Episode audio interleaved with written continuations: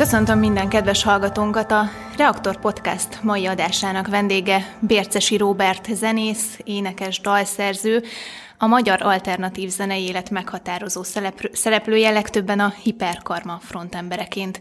Ismerik, én Fazekas Csille vagyok, kérdezőtársam pedig Pap Ferenc.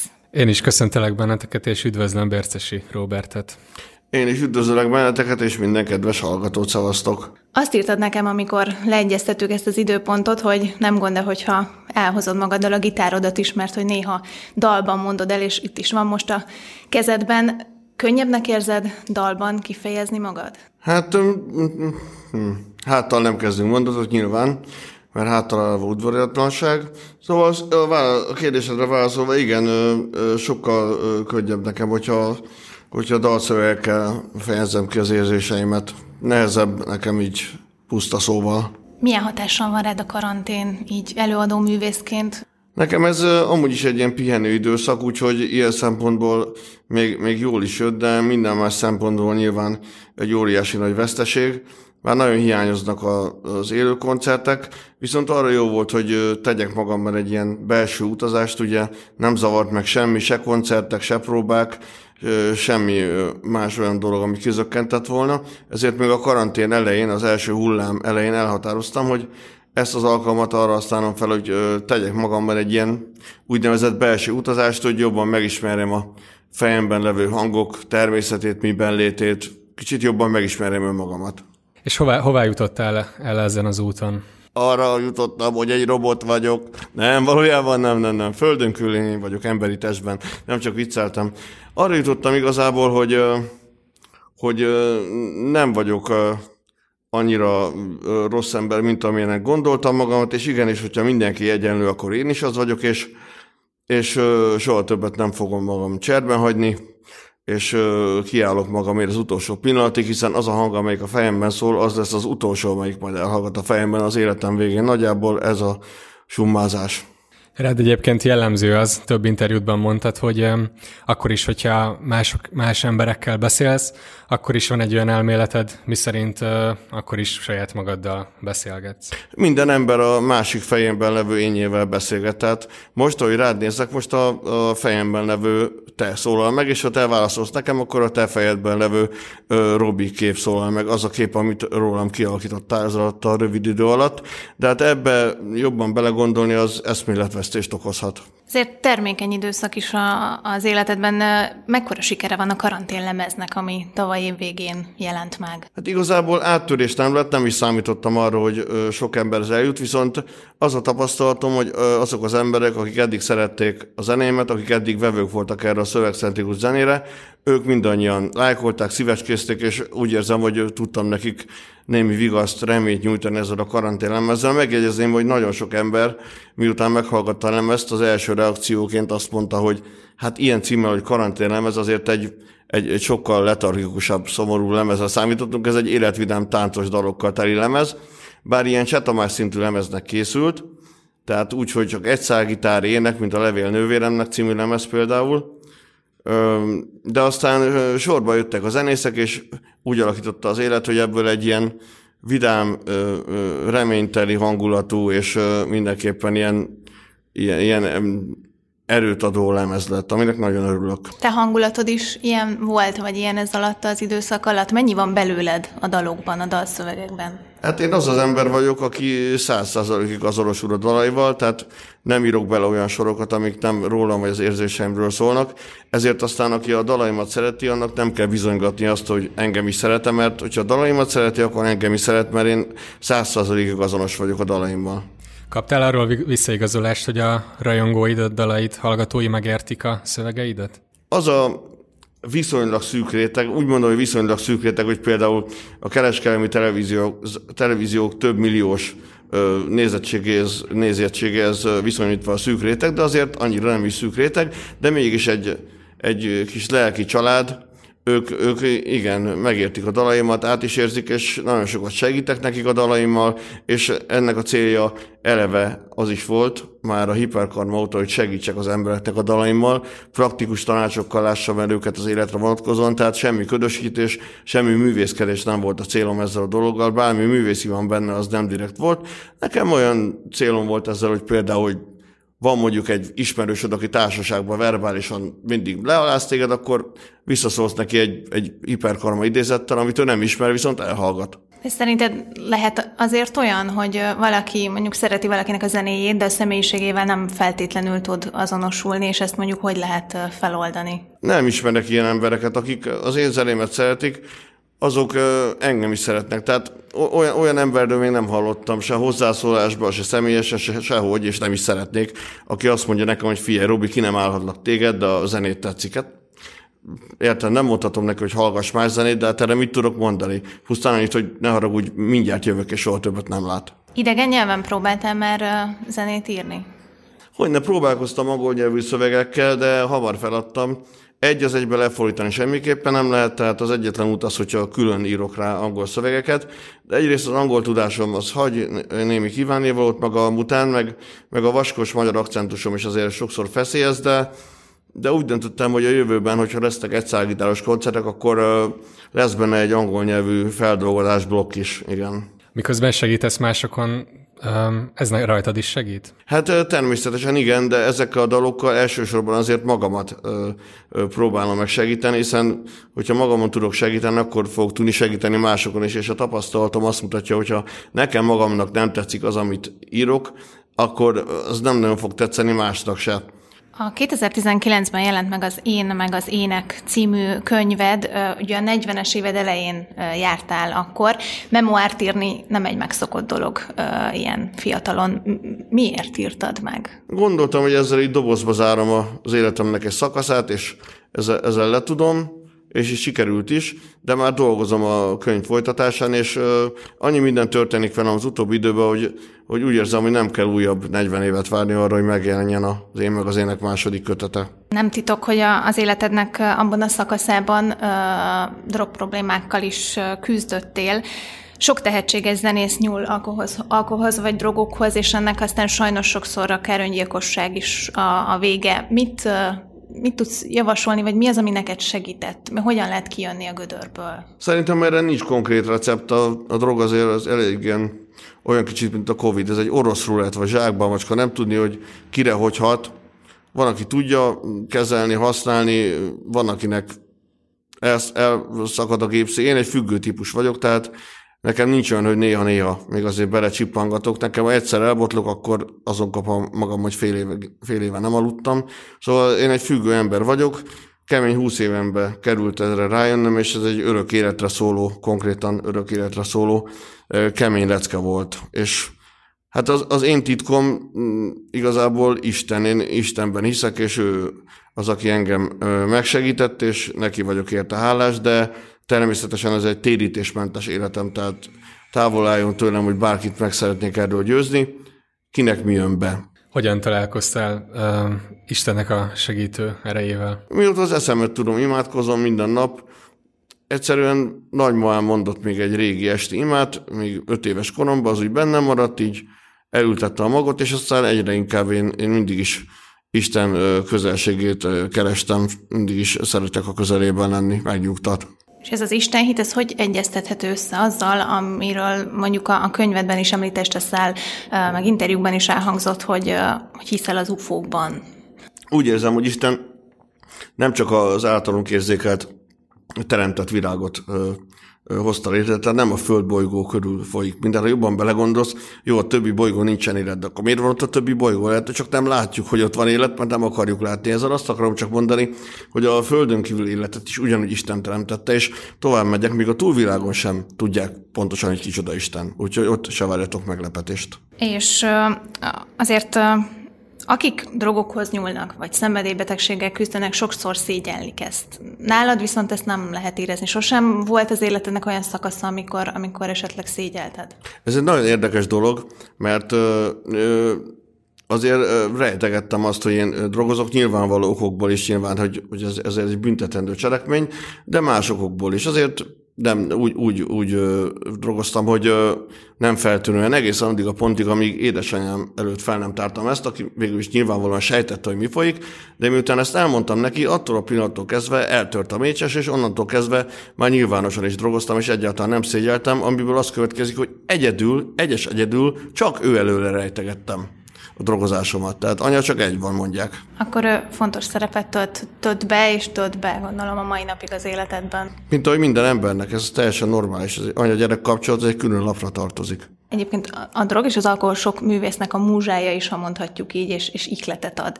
Neked is volt benne egy ilyen faktort?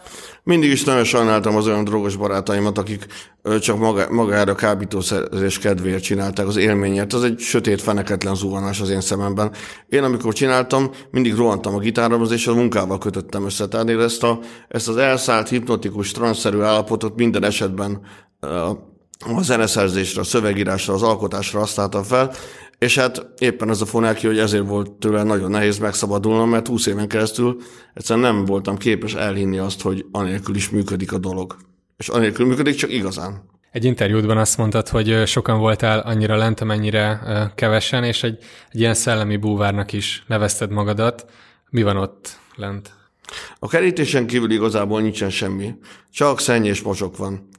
Az emberek kíváncsiak rá, mert ez egy alapvető trükkje a, a, földet uraló földön kívül lényeknek, hogy e, olyasmire kényszerítik az emberiséget, amelyet az emberiség amúgy is magától természetes módon megtenne, mint hogyha belenyomnák a fejedet a kedvenc ételedbe, és emiatt megutálod. Lezárják a kerítésen túli világot, hogy azt hitt, hogy ott van valami érdekes, de semmi nincs. Ez egy egyszerű fonák trükk, ha jobban belegondolsz, olyan bonyolult. Azt is mondtad, hogy a, a szenvedélyt az csak szenvedéllyel lehet helyettesíteni. Te milyen szenvedéllyel helyettesítetted? Én kérdekalással, én workaholic lettem. Tehát minden napnak úgy kell eltennie, ahogy a kedvenc mondásom tartja, hogy kimondhassam esténként, hogy ez a nap se kelt fel hiába. Minden napot munkával ö, töltök el, mióta kihozalottam, és ö, ez, ez az, ami nekem egy, egy ö, mencsvárat és, és erőt ad a mindennapokhoz. És most mi adja az ihletet? Igazából nem misztifikálom ezt már túl. Én mindig is úgy akartam ö, zenét írni, mint hogyha egy ö, hétköznapi munkát végeznék. Napi nyolc órában. Nem azt, hogy várok két hónapig az ihletre, ezt nem akarom így túl, túl gondolni. Egyszerűen megírom a dalokat, régebben minden dalomat túljegyzeteltem, túlírtam, átírtam, most már leírom az egészet, készen van a dal, Régebben mindegyik dalomhoz írtam ötször annyi szöveget, mint amennyi kellett volna. Most már, hogyha elég sor összejut egy dalhoz, a következő gondolatsort már egy másik dalba teszem nem is nagyon változtatok a dallamokat, ami, a dallamokat, ami elsőre kijön, azt hagyom meg véglegesnek, tehát ez egy teljesen új munkamódszer. Ez a könnyű zene, azért szeretem, mert könnyű. Ha van egy dalon, már készen van a fél dal. Igazából így, így lehet csak igazán ezt a fajta zenét megírni, van, ami csak a könnyű módszerrel működik, mint ahogy például egy, egy tanult jazzzenésznek soha nem fogom tudni azt megmondani, hogy figyelj, itt most csak egy sima C-dur akkordot játsz, semmi pirinska. Egy képzett énekesnek soha nem fogom tudni azt megmondani, hogy itt most ne hajlítsd a hangot, mert itt egyenesen énekelj, szögegyenesen, nem bírja ki. Vannak dolgok, amik csak a könnyű úton mennek. És mi a véleményed a, a mostani fiatal könnyű zenészekről, feltörekvő zenekarokról? Én leragadtam a 50-es, 60-es évek zenénél, és igazából nem is nagyon hallgatok őszintén szólva mást. Fogalmam sincsen, úgyhogy erről nem is tudok mást mondani. Nem tudom. Akkor beszéljünk kicsit a hiperkarmáról. Több mint húsz éves a, a zenekar. Mennyit változtak a tagok, mennyit változott a zenétek ez alatt az elég hosszú idő alatt, és, és hogyan tovább? Az első hiperkar lemez gyakorlatilag 95%-ban egyedül készítettem, az volt a koncepció, az elgondolás, hogy akusztikus gitáros hippi baladák, ilyen savas gépi alapokra. Aztán szerveződött köré egy zenekar, és ezeket a dalokat a lemez verzióhoz képest már egy rock zenekarként játszottuk, aztán eltelt húsz év. Közben jöttek lemezek, és mindig ott volt a fejemben, hogy na ezt a lemezt megint úgy fogom fölvenni, hogy, hogy gépdobokkal, aztán végül mégis úgy alakult lustaságból, ezért azért a zenészetnek is kell a munka, stb. stb., hogy végül mindegyik ilyen rocklemez lett. Most 20 év után ö, készítünk egy olyan lemezt Müller Péter Sziámi barátommal, ahol ezt a koncepciót alkalmazzuk, mint a Hyperkavam egynél, gépdobok, gépbasszusokra, akusztikus gitáros hippi baladák, ez, a, ez az ellenpont a savas gépdolgok és az akusztikus gitáros folkdalok között számomra egy valamilyen, nem is tudom, ilyen kellemes érzést kelt, ellenpontot. Várjátok azért gondolom, hogy élő közönség előtt játszhassatok ismét. Hát igen. Azt hiszem, hogy kevés dolog van, amit jelenleg jobban várok, mint hogy megmutathassuk magunkat élőben is. Nem tudom erre mennyit kell várni. A munkásságoddal és azzal, hogy, hogy nyíltan beszélsz akár a, a problémáidról, a drogozásról, ezzel te példát is szeretnél mutatni? Mit szólsz például ahhoz, hogy 2019-ben ugye az év dalszövegírója lettél, és mellette pedig érettségi tétel is? Ö, igen, hát ez megtisztelő, és nagyon jól esik. Én ez, ezekre nagyon büszke vagyok, ott törzem a díjat a polcomon, jól látható helyen. Az érettségi tétel is ö, nagyon megtisztelő, és jól esik, beépítem a, a sok rossz emlék helyére jónak. És szeretnél példát mutatni? Ez a példamutatás, ez, ez természetes módon jön abból, ahogy élek, de nem ez motivál. Alapvetően én, én, én magamon szeretnék segíteni, és hogyha ez így sikerül, azt látják a, a többiek, és, és, és ebből tudnak okulni, mint ahogy vannak olyan filozófusok, akik okosakat mondanak, de az életük azt igazolja, hogy nem működik a módszerüket, azzal mit kezdjek? És ebben az önmagadon való segítésben a már említett édesanyádon kívül segítenek sokat, gondolom, a barátok is. Igen, a barátok sokat segítenek, és a család is, de alapvetően inkább úgy szeretnék berendezkedni, hogy én segítsek rajtuk, ne ők rajtam. Hát igazából segíts magadon, Isten is megsegít, mondják. Magad, uram, a szolgád nincsen. A, a mentálhigiénés szakembereknek, mint ahogy te is mondtad, azt szokták tanítani, hogy ne adjanak tanácsokat, de azért mégis uh, van valamilyen tanulság, amit így lepároltál, mert mondtad, hogy van defekted, de túljutottál rajta. Mit üzensz azoknak, akik látják maguk előtt ezt a feladatot, hogy van egy defektjük, és meg szeretnék oldani? Azt üzenem nekik, hogy bármilyen defektjük, tehát olyan tulajdonságuk van a személyiségüknek, egy olyan vonás, ami hátráltatja őket az életükben, azt ne próbálják meg eltüntetni, vagy nullára kihozni, mert az nem fog menni. Az újra és újra visszajut. Egyetlen módon lehet leküzdeni ezt a dolgot, hogyha átfordítják pozitívra. Az én defektem a kényszeresség. Az OCD, az Obsessive Compulsive Disorder, már öt éves korom óta rabolja az időmet, rettenetes ismételgesen egy mondatot 55-ször különben meghalsz kb. Tehát ez a fajta dolog. Ezt úgy tudtam én eltüntetni, az előnyömre fordítottam. Tehát olyan mondatokat ismételgettem, amik ismétlésről ismétlésre formálódtak, egy névelő ki, egy vesző be, egy szó megváltoztat, és így egy, egy regénynek a mondatai lesznek, amit olyan, olyan alaposan tisztázok le, mint ahogy senki más nem tud, aki nem kényszeres. A vírus miatt azért sok zenész énekes előadó művész került nehéz helyzetbe, és akár kellett valami más bevételi forrást keresnie magának. Neked volt-e olyan az életedben, amikor a munkaerőpiacon próbáltad ki magad? Hát nem igazán volt. Egyszer volt, hogy egy Burger Kingbe felvételiztem még 98-ba, de nem vettek fel, mert a vizeletemben egy olyasmit találtak az egészségügyi könyvem, mert nem adták ki, mert találtak valamit a vizeletemben, amiből négynek kellett volna lenni, de volt belőle 50, mert akkoriban már így, így, így drogoztam, úgyhogy ott el, elbukott a történet. Úgyhogy nem, a kérdésedre válaszolva soha nem volt polgári foglalkozásom. Most is stúdióból érkeztél, mind, mind dolgoztok most? Jelenleg Müller Péter Sziemival közös én meg a Péter projektunk bemutatkozó lemezének a dalain dolgozunk, most csak ember, ez lesz a lemez címe, és most feldétegeztük a, a gépdobokat, aztán jönnek rá a basszus, a gitárok, stb. szintetizátorok, illetve az énekek. Most egy dal eszembe jutott, az a cím, hogy Hullám, és ez, ez az utolsó előtti, előtti dal az én meg a Péter lemezen. A, a, a szövegét Müller Péter Sziám írta, én pedig a zenéért vagyok a felelős. Meglátjuk, hogy most el tudom játszani, jó?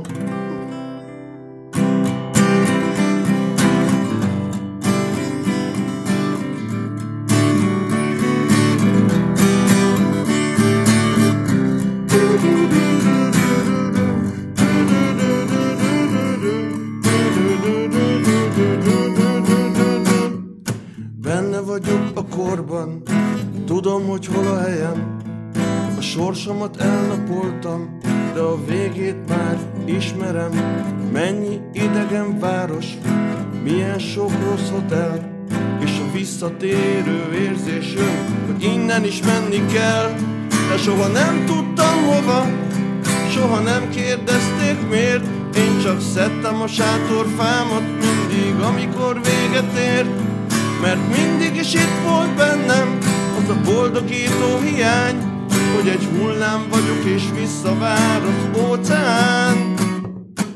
Barátok beszélgetések, másnapos reggelek, Arról szólnak, mint csupán, hogy holnap már nem leszek veled. Mennyi idegen város látod, milyen sok rossz hotel. És a visszatérő érzés jön, hogy innen is menni kell. De soha nem tudtam hova, soha nem kérdezték miért. Én csak szedtem a sátorfámat mindig, amikor véget ért Mert mindig is itt volt bennem ez a boldogító hiány hogy egy hullám vagyok és visszavár az óceán. Soha nem tudtam hova, soha nem kérdezték miért Én csak szedtem a sátorfámat mindig, amikor véget ért Mert mindig is itt volt bennem ez a boldogító hiány Hogy egy hullám vagyok és visszavár az óceán Köszönjük szépen Bércesi Robertnek, hogy a vendégünk volt ma, és válaszolt a kérdéseinkre. Én köszönöm a meghívást, sziasztok! Nektek pedig köszönjük azt, hogy ismét meghallgattatok minket, kövessétek továbbra is a reaktor.hu-t, a Reaktor Facebook oldalát, a podcasteket meghallgathatjátok Spotify-on, Apple Podcast-en és YouTube-on is. Sziasztok! Hello!